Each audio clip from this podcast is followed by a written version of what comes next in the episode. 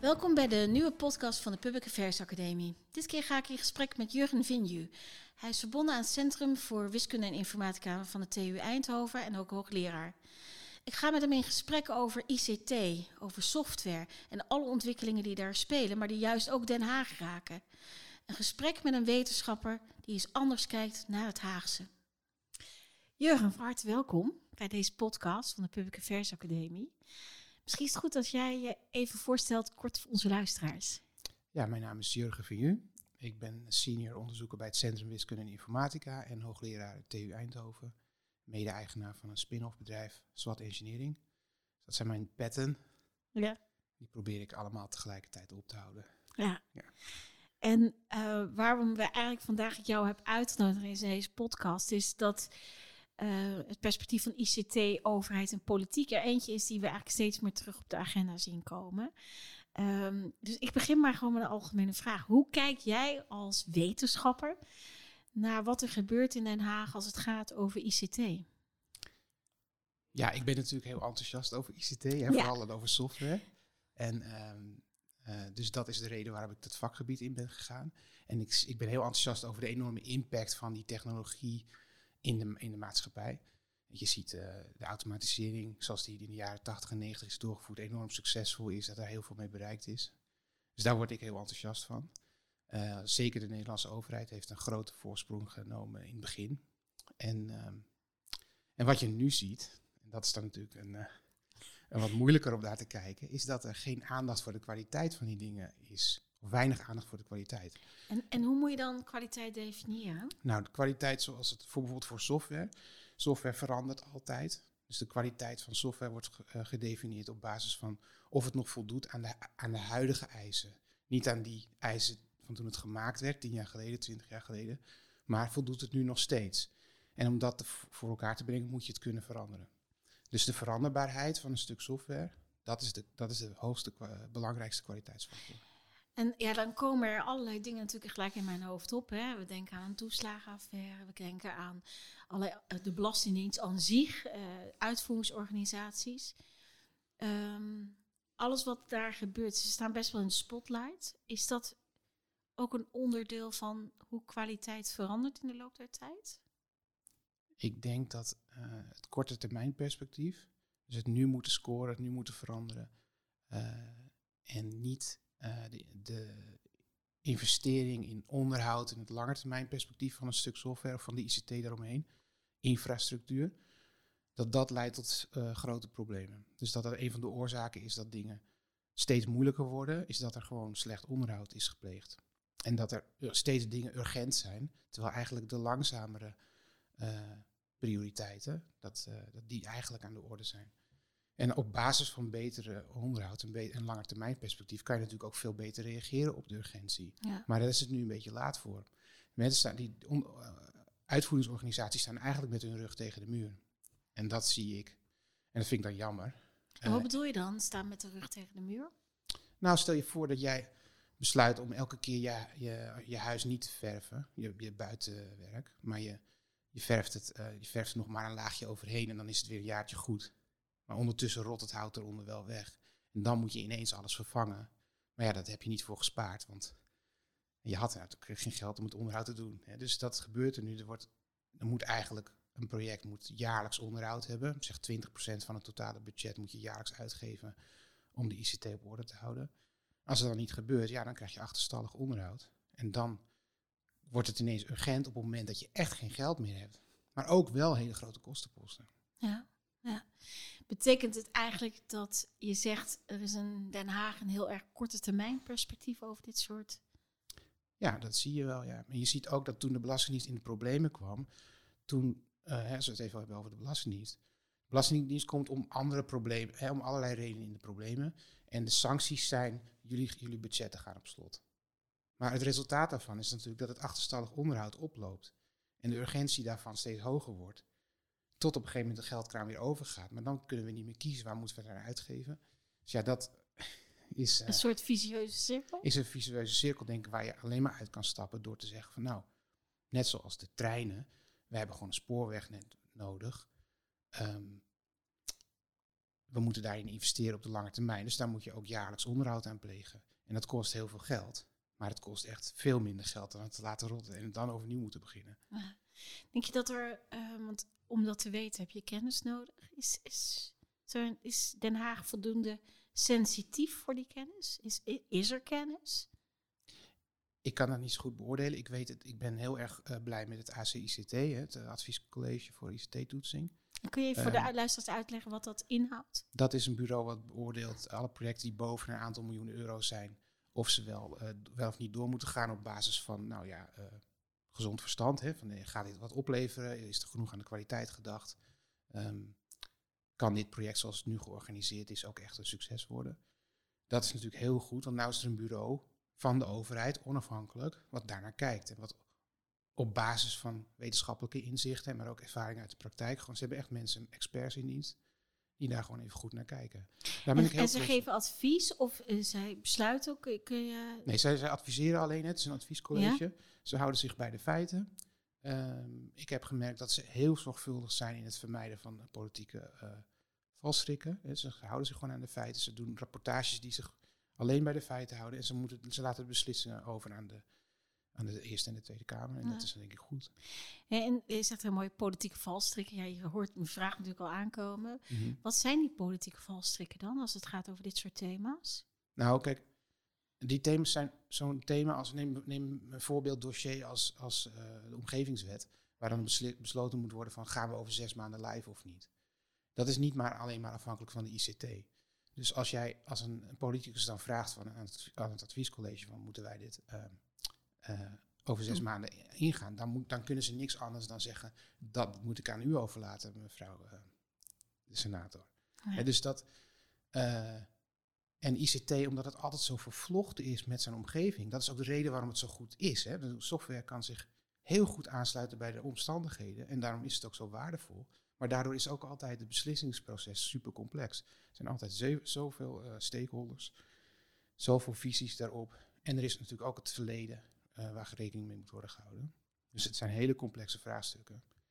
Uh, waar je niet zomaar, in ieder geval als adviescollege denk ik niet, en ook niet als wetenschapper een eenduidig antwoord op kan geven. Nee.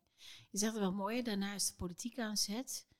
Uh, ook daar ik de vraag, want je zegt dat als adviescollege, daar ben je juist heel blij mee. Ja. Um, nou, laten we de omgevingswet pakken. Um, hoe denk je dat daar dat, dat we voldoende die kennis ook bij politie weten te krijgen waar die wegingen nodig zijn? Ik denk dat. Uh, ik heb nu gezien door naar het journaal te kijken en naar de verslagen van de Eerste Kamer en, en, en naar, naar die adviescolleges. Je bent gewoon stiekem een politieke junkie. En gewoon kijken, kijken, kijken. En wat ik zie is dat politici, uh, Eerste Kamerleden, Tweede Kamerleden en ook hun beleidsmedewerkers als een malle aan het werk zijn. Dus ik zie dat ze echt proberen om geïnformeerd te zijn. Dus ik zou niet zozeer met het vingertje willen wijzen naar nee. ze moeten beter geïnformeerd worden. Um, het zijn gewoon hele complexe dossiers. En ook vanwege uh, dat die dossiers een baard hebben. Dus sommige dossiers zijn 20, 25 jaar oud. Um, de omgevingswet, hè, die is niet aangepast sinds weet ik veel wat, 80 jaar geleden of zo. Dus het gaat over hele complexe zaken.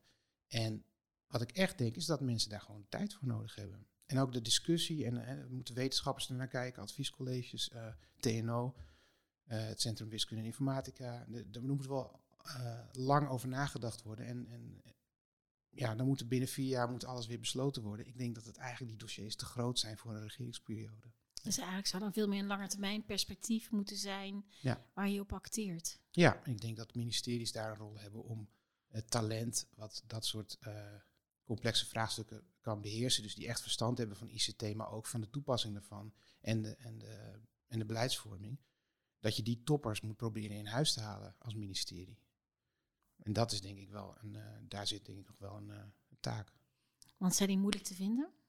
Die nou, zijn heel duur. Ja. Ja, dat zijn hele duur. Ik denk dat de balken de norm daar niet zoveel uh, aan helpt. Nee. Nee. nee. en vanuit je, want je, je, je zei al, je bent, tenminste, ik zei net, dat zei jij niet, maar dat zei ik. je bent een wetenschapper die inmiddels ook een stukje politieke junkie, in een stukje een beetje politieke junkie misschien wel is geworden.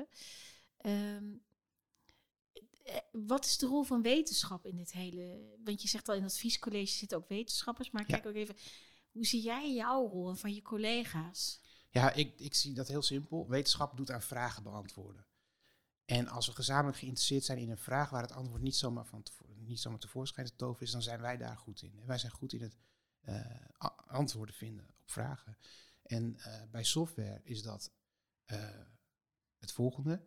Je, je, dat wordt geschreven door mensen. Hè. Het, is eigenlijk, het is eigenlijk literatuur. Maar het is zoveel dat niemand het ooit meer gaat lezen. Dus de vraag is wat wij als wetenschappers eh, willen bijdragen hieraan. Is van nou oké, we hebben die literatuur. We willen er wat van weten. Hoe kunnen we nou technologie of theorieën aan, aangeven waarbij je wel een antwoord kan geven op vragen die je hebt, zonder dat je het allemaal hoeft te lezen. Ja. En dat is, voor, dat is mijn rol. Eh, en, en de rol van onze collega's. En er zijn duizenden vragen die je kan stellen. Hè? Dus is een vraag van, is het wel veilig? Eh, voldoet het aan de GDPR eh, of de AVG? GDPR, vertel. Eh, de, de AVG. de, Ja? Dat is, de GDPR is daar de Europese naam voor. Oké. Eh, ehm, nou ja, als ik, deze, als ik hier druk, waar doet het, dan- hè, doet het dan allemaal pijn? Als ik de- deze database verander, gaat het dan, waar gaat het dan allemaal stuk? Gewoon dat soort eigenlijk simpele vragen die je zomaar kan stellen, die voor beleid heel belangrijk zijn. Ehm, die zijn niet zomaar te beantwoorden. En je kan, en dat vind ik het frustrerende vaak, eh, omdat het software heet, klinkt het allemaal zo simpel, hè? Ja. Ach, je hebt gewoon software, het is net als klei. Hè? Eerst het is een poppetje en dan is het een kommetje. Maar zo werkt het niet met software. Want het is veel meer zoals een roman van Mulisch. Waarvan je gaat besluiten van nee, maar nou wil ik eigenlijk dat eh, het kind niet van Onno is, maar van Max. Of andersom. Ja. En kijk wat, doet, kijk wat het doet met het plot. Ja, dan moet het hele boek overnieuw geschreven worden. En dat, dat soort vragen ge- worden vaak over software gesteld. Van, nou weet je, we gaan even van de mainframe naar, de, naar Java. En eh, hè? Moet toch kunnen? Ja. Ja. nee, dat kan dus niet. Nee. Ja, eh, en waarom dan niet? Kan je dat dan beantwoorden? En daar, daar zijn echt wel veel open vragen over. Het lijkt alsof wel de issues rond ICT, ik pak hem even bewust breder, hè, eh, wel steeds meer op de agenda komen. Ehm, vaak als het misgaat. Ja. Vaak als het gaat inderdaad om thema's als veiligheid. Ja. Ehm, is dat ook logisch dat we dat steeds meer gaan zien? Ja, dat is heel duidelijk. Want ehm, kijk, ik heb het met plezier zien, zien ontstaan. Overal zit software in. En bij wijze van spreken, je, je, je kiest je partner al via software. Want je swipe naar links of je swipe naar rechts en je trouwt met een ander. Bij van spreken. Dus dat, dat is interessant. Je ziet het overal in terugkomen, zelfs bij dat soort dingen. Maar spel, het begon met spelletjes. Hier speelden we op het schoolplein en toen speelden we achter de computer. Je ziet een enorme invloed daarvan op de maatschappij. Ja, en dan, dan op een gegeven moment dat het dan eh, zichtbaar wordt omdat het wringt, is alleen maar omdat het overal al is. Ja, dus alles wat mis kan gaan, gaat mis met software, omdat het, ja, het is nou eenmaal overal. Dus dat is de, de schaduwzijde van het succes. En dat is ook impliciet een enorme verantwoordelijkheid voor wetenschappers die software en ICT verkopen als iets goeds, om daar iets aan te doen. En dus dat is heel belangrijk, denk ik, dat je daar ook de verantwoordelijkheid neemt van, ja, ik ben degene die nieuwe programmeertaal heeft gepusht. Eh, is dat ook een programmeertaal die leidt tot software die veilig is? Ja. Maar daarmee zeg je eigenlijk, het is een heel logisch proces. Is het dan nu, denk ik, als je een beetje de kranten leest, lijkt het nu alsof het zo nu dan ontploft op dit thema. Hè? Ja. Ehm, waarom, waarom is dat nu? Is dat omdat we ons er meer bewust van zijn? Omdat we meer de, de effecten daarvan ervaren? Omdat ze- het meer in het politieke domein komt? Wat maakt het nou dat we daar... Het is een proces voor langere periode waar we vast wel een paar keer stappen vooruit en achteruit hebben gedaan. Ja. Dus waarom is het nu zo in, overal zichtbaar? Ja, ik denk dat de saturatie is. De saturatie van de technologie. Dus vroeger was je een early adapter. En ja, dan zat jij eh, porno te kijken, bij wijze van spreken, achter je, achter je computer. En dan was je die ene jongen in het ene dorp. En nu doet iedereen het. Hè? Dus dat is toch interessant. Dat, eh, dat iedereen een mobiele telefoon heeft. Met, met, met alles erop en eraan. Dat zorgt ervoor dat het overal is. Ja, en eh, dat is het verschil. En het grappige is, we zagen het natuurlijk niet, maar de, de Belastingdienst is begonnen met automatiseren in, in begin jaren 60. En dus die, die waren hun tijd ver vooruit. En ja, dat is allemaal, dat bleef onder de radar, weet je wel. Er waren drie mensen die wisten dat daar een computer stond. En, eh, en, en d- dat, maar dat bestaat al heel lang. En dus die mensen die daar werkten, die daar nog steeds werken, die hebben veel meer verstand van de impact van dat soort dingen op hoe je omgaat met elkaar. Dan wij, die net zeg maar tien jaar geleden ons eerste mobieltje hebben gekocht. Ja. Dus je zegt eigenlijk, het is wel ook de mate waarin nu het gebruik plaatsvindt, dat we ook gaan ervaren hoezeer het effect is Ja. op ons dagelijks leven. En Ja. Ook daarmee een politieke verantwoordelijkheid aan het worden is. Dat is zo, ja. En trouwens, wat ik nog vergeten te zeggen, is de schaalgrootte zelf is natuurlijk ook een factor. Dus omdat je met eh, social media op zo'n grote schaal invloed kan hebben op wat mensen bekijken, ehm, is dat natuurlijk een machtsmiddel geworden aan zich.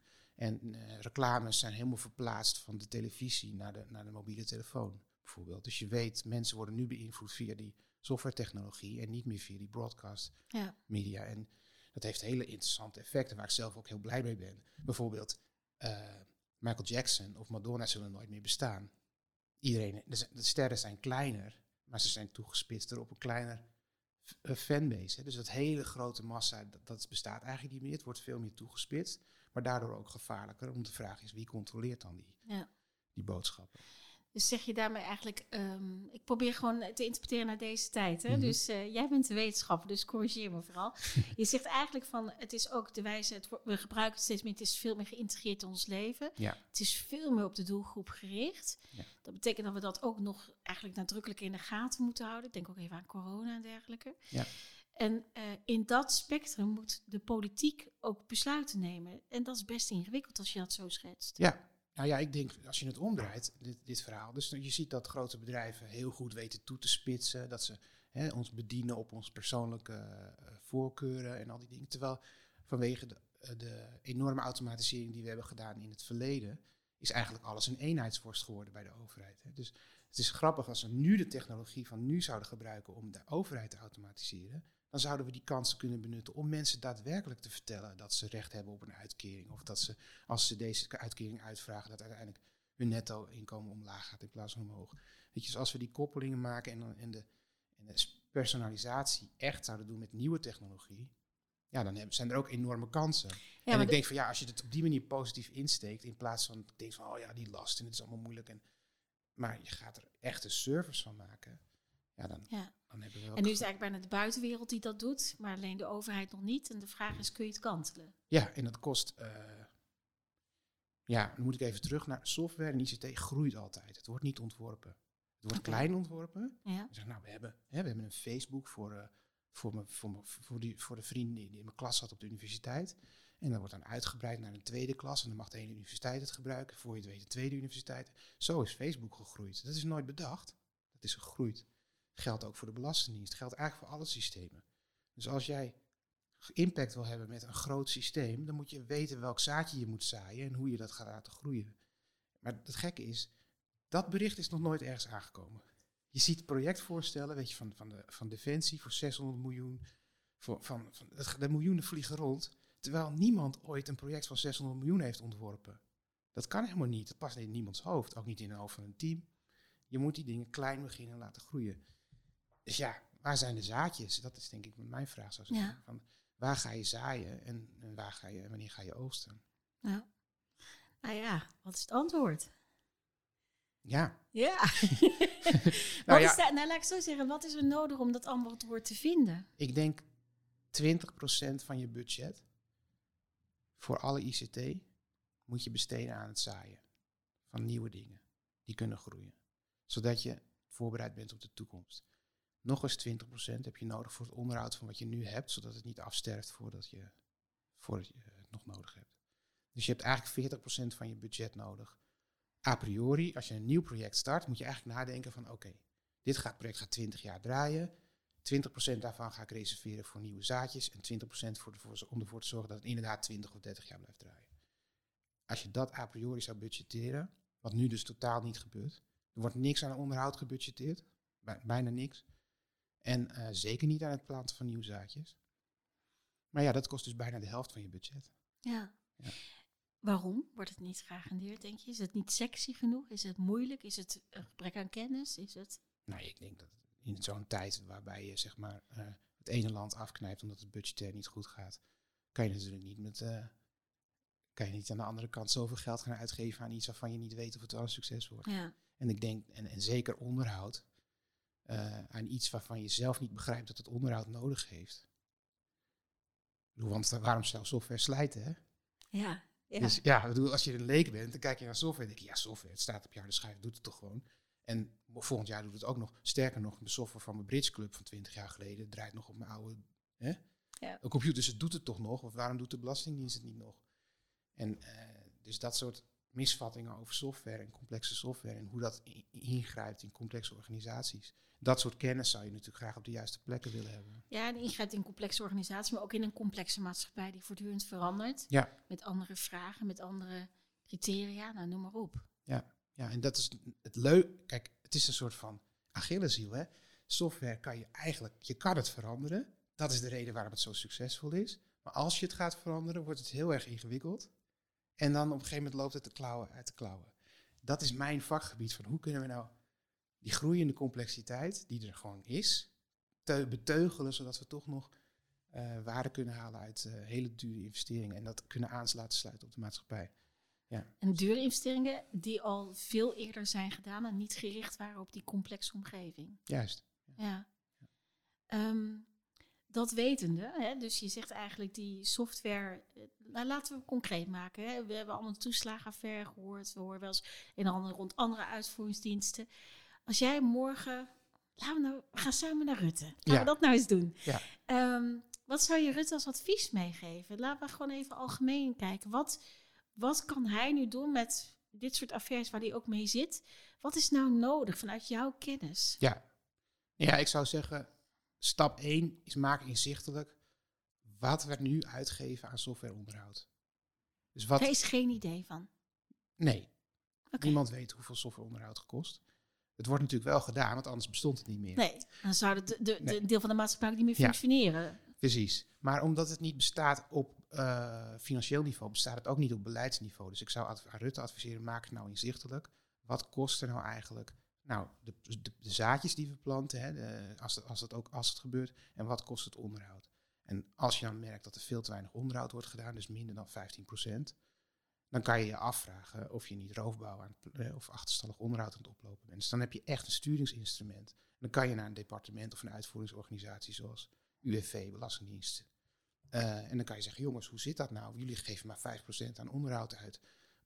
Gaat het zo ontzettend goed met jullie? Of is dit systeem eh, end of life jullie een andere aan het? En dan kan je echt over de inhoud praten. Dus eh, ik denk dat dat... En lost dat mijn probleem op als, als, als politiek, als kabinet, rond dit soort grote thema's die nu leven?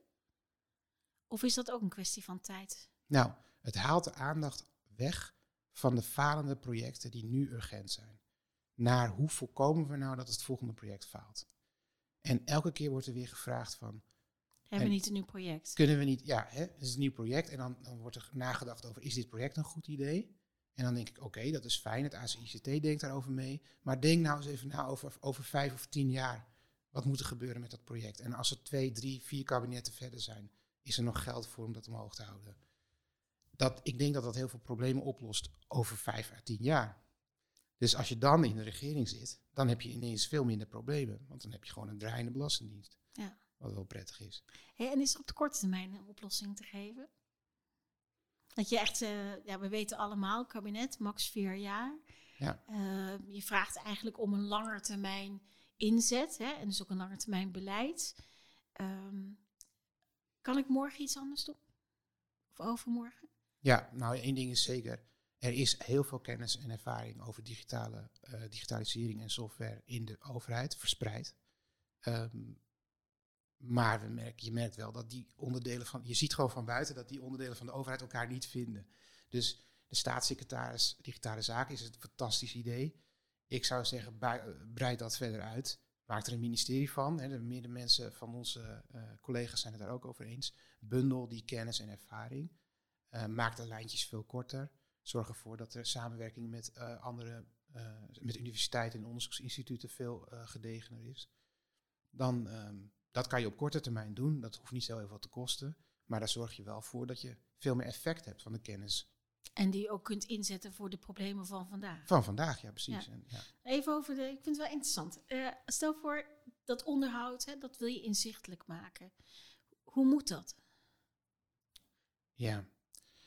Het, het lullige van, eh, als ik het zo mag uitleggen, het lullige van software is dat het uiteindelijk door mensen wordt gedaan. Dus het, iemand zit te typen, Ja. of eigenlijk vaak zitten ze te lezen of te vergaderen en uit te zoeken wat, hoe, wat, wat er nou moet gebeuren. En uiteindelijk wordt er dan wat ingetypt. Ehm, dus wat er nu aan de hand is, is dat heel veel van die kosten en eh, de inzet eh, gaat in de contracten en de services die mensen verlenen, die nou weer via andere bedrijven worden geleverd. Hè. Dus het zijn hele complexe uh, samenwerkingsverbanden tussen mensen, tussen bedrijven die mensen leveren en de kennis. Dat heet dan een consultant of een solutions architect of nou wat je en hoe, hoe de term, hoe hoger je salaris. Maar er zijn er, er zijn er duizenden van die worden ingehuurd via via door de overheid. Maar dat, daar, liggen de, daar ligt de inzet, daar ligt ook de kwaliteit van het werk, want dat zijn die mensen die het doen. En um, ja, die boom, die kerstboom van bedrijven en universiteiten en overheidsinstellingen waar die mensen allemaal werken, is natuurlijk heel erg complex. Dus om daar inzicht in te krijgen van waar liggen nou eigenlijk onze investeringen en waar gaat het naartoe, dat is interessant. Dus dat is eigenlijk de eerste stap. En dan kun je het ook gaan hebben over waar je, hoe je het onderhoud belegt en hoe je daar op kunt sturen. Ja, en dan is er ook nog zoiets als Conway's Law. De, de, software heeft een aantal wetmatigheden, je zal het niet geloven. Maar een ervan heet, een ervan heet Conway's Law en die gaat, dat is heel socio-technologisch. Het gaat erover dat uh, software, de, de, architectuur daarvan, zich vormt naar de organisatiestructuur van de mensen die eraan werken. Wat natuurlijk niet zo gek is. Ja. dus je, je, als jij een complexe organisatiestructuur hebt met allerlei toeleveranciers van, van talenten die daaraan werken, dan krijg je dus diezelfde organisatiestructuur terug in je, in je, in je code en in je architectuur. En als dan de mensen veranderen en ze moeten daarna werken met de software die gemaakt is in een andere organisatiestructuur, dan wringt dat. Dus, uh, en daar heb ik niet zoveel verstand van. Ik weet niet hoe je change management doet of hoe je een organisatie opnieuw inricht of hoe je ervoor zorgt dat, uh, dat dingen duidelijk worden. Maar ik weet wel één ding. Als je de software duidelijk hebt, dan weet je ook, dan heb je ook duidelijk wie de mensen waren die erachter zaten. En andersom, als je, wil, als je de mensen hebt die de software geschreven hebben en je weet duidelijk hoe ze hebben samengewerkt, dan weet je ook hoe die software werkt.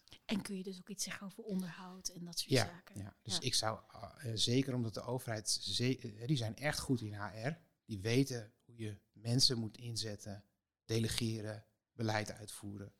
Dan zou ik zeggen, ga uitzoeken hoe je nou die software tot stand komt. Ja.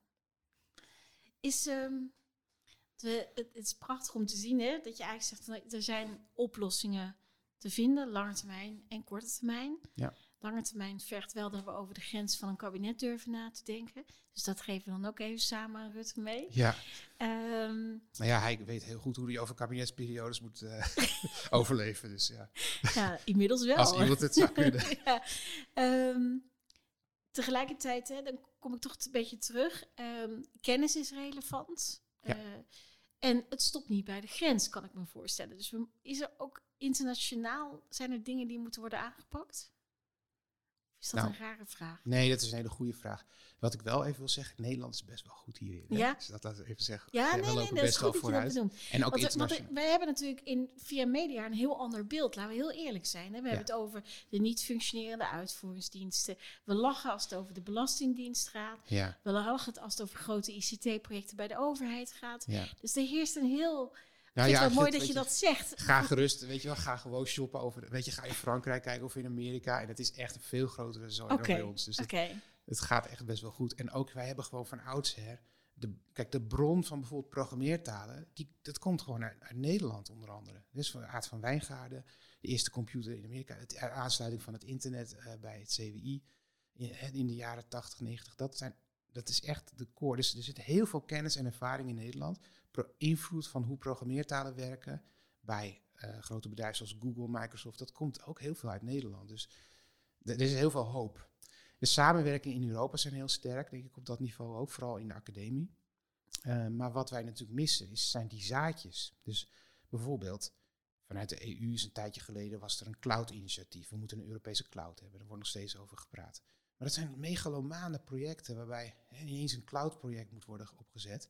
Maar dat Um, dat gaat dan net als de Conway's Law. Dus al die landen die, die leveren hun bijdrage. En dat zijn dan allemaal kleine stukjes. En dan is het project voor bijna vijf jaar. Want dan hebben we het cloud-project gehad en dan, ja. en dan verdwijnt het weer allemaal. Ja. En wat je natuurlijk eigenlijk nodig hebt, is een sterk zaadje zoals Google. En dat voeden. Dat moet dan vanuit één land eigenlijk gebeuren. En dan moeten die andere landen daarop gaan aanhaken als een soort olievlek. En een lange termijn investering durven doen in een ander land in Europa dat is echt spannend. Ja. Wil Duitsland echt in een Franse cloud investeren, zodat het ook hun cloud wordt? Dat is denk ik waar de crux zit. En als je, die, als je dat vertrouwen niet hebt, wat ze in Amerika wel hebben, want ze hebben daar alles in Silicon Valley belegd. Het hele land, dat hele continent draait op Silicon Valley. Ze getuigt van enorm vertrouwen van de ene kant van de oceaan naar de andere kant van de oceaan. En wij kunnen niet eens onze onderburen, zuidenburen vertrouwen voor het uitgraven van een kanaal, weet je wel. Dus Ja. ik denk dat daar eh, de crux zit. Als wij echt zo groot willen, dat we echt een cloud hebben met eh, infrastructuur op het niveau die we nu uit Amerika gebruiken, dan zullen we elkaar toch echt heel veel beter moeten gaan vertrouwen. Nou, ik zie ook gelijk een mooie taak voor, of een mooi onderwerp, zou ik bijna zeggen, voor de Europese verkiezingen. Ja, Ehm, tot slot, eh, Jurgen. Ehm, als we, we zijn bij Rutte geweest. Laten we dat eventjes eh, gewoon, dat hebben we samen opgepakt. En dan ook nog even in het eh, eh, Eerste en Tweede Kamer hebben we ook mee gepakt. Mhm. En we gaan op weg naar de verkiezingen.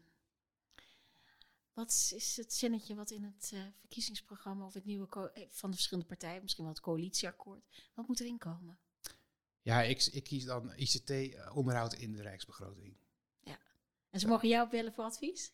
Ja, zeker. Oké. Ja. Jurgen, heel veel dank voor eh, je mooie tocht rond software, ICT en eh, ja, weer wat ander beeld van datgene waar we in Den Haag het altijd over hebben. Dus dank je wel. Graag gedaan.